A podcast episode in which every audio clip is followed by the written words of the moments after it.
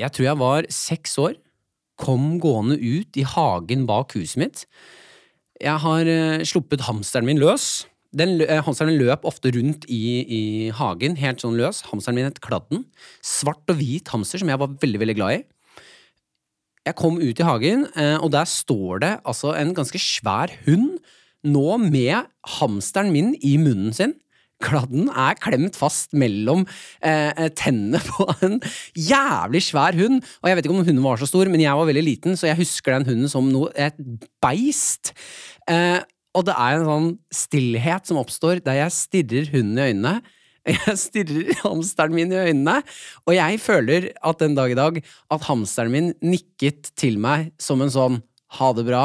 Takk for, takk for alt! Var, det har vært et bra liv før den, det er før den hunden begynte å riste løs. Det siste jeg hørte, var at hamsteren min peip, og så ble det stille.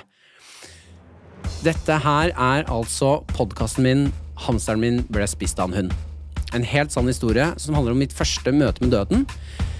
Eh, og jeg skal invitere folk inn i mitt rom og snakke om døden. For jeg har den dag i dag har jeg, jeg har dødsangst.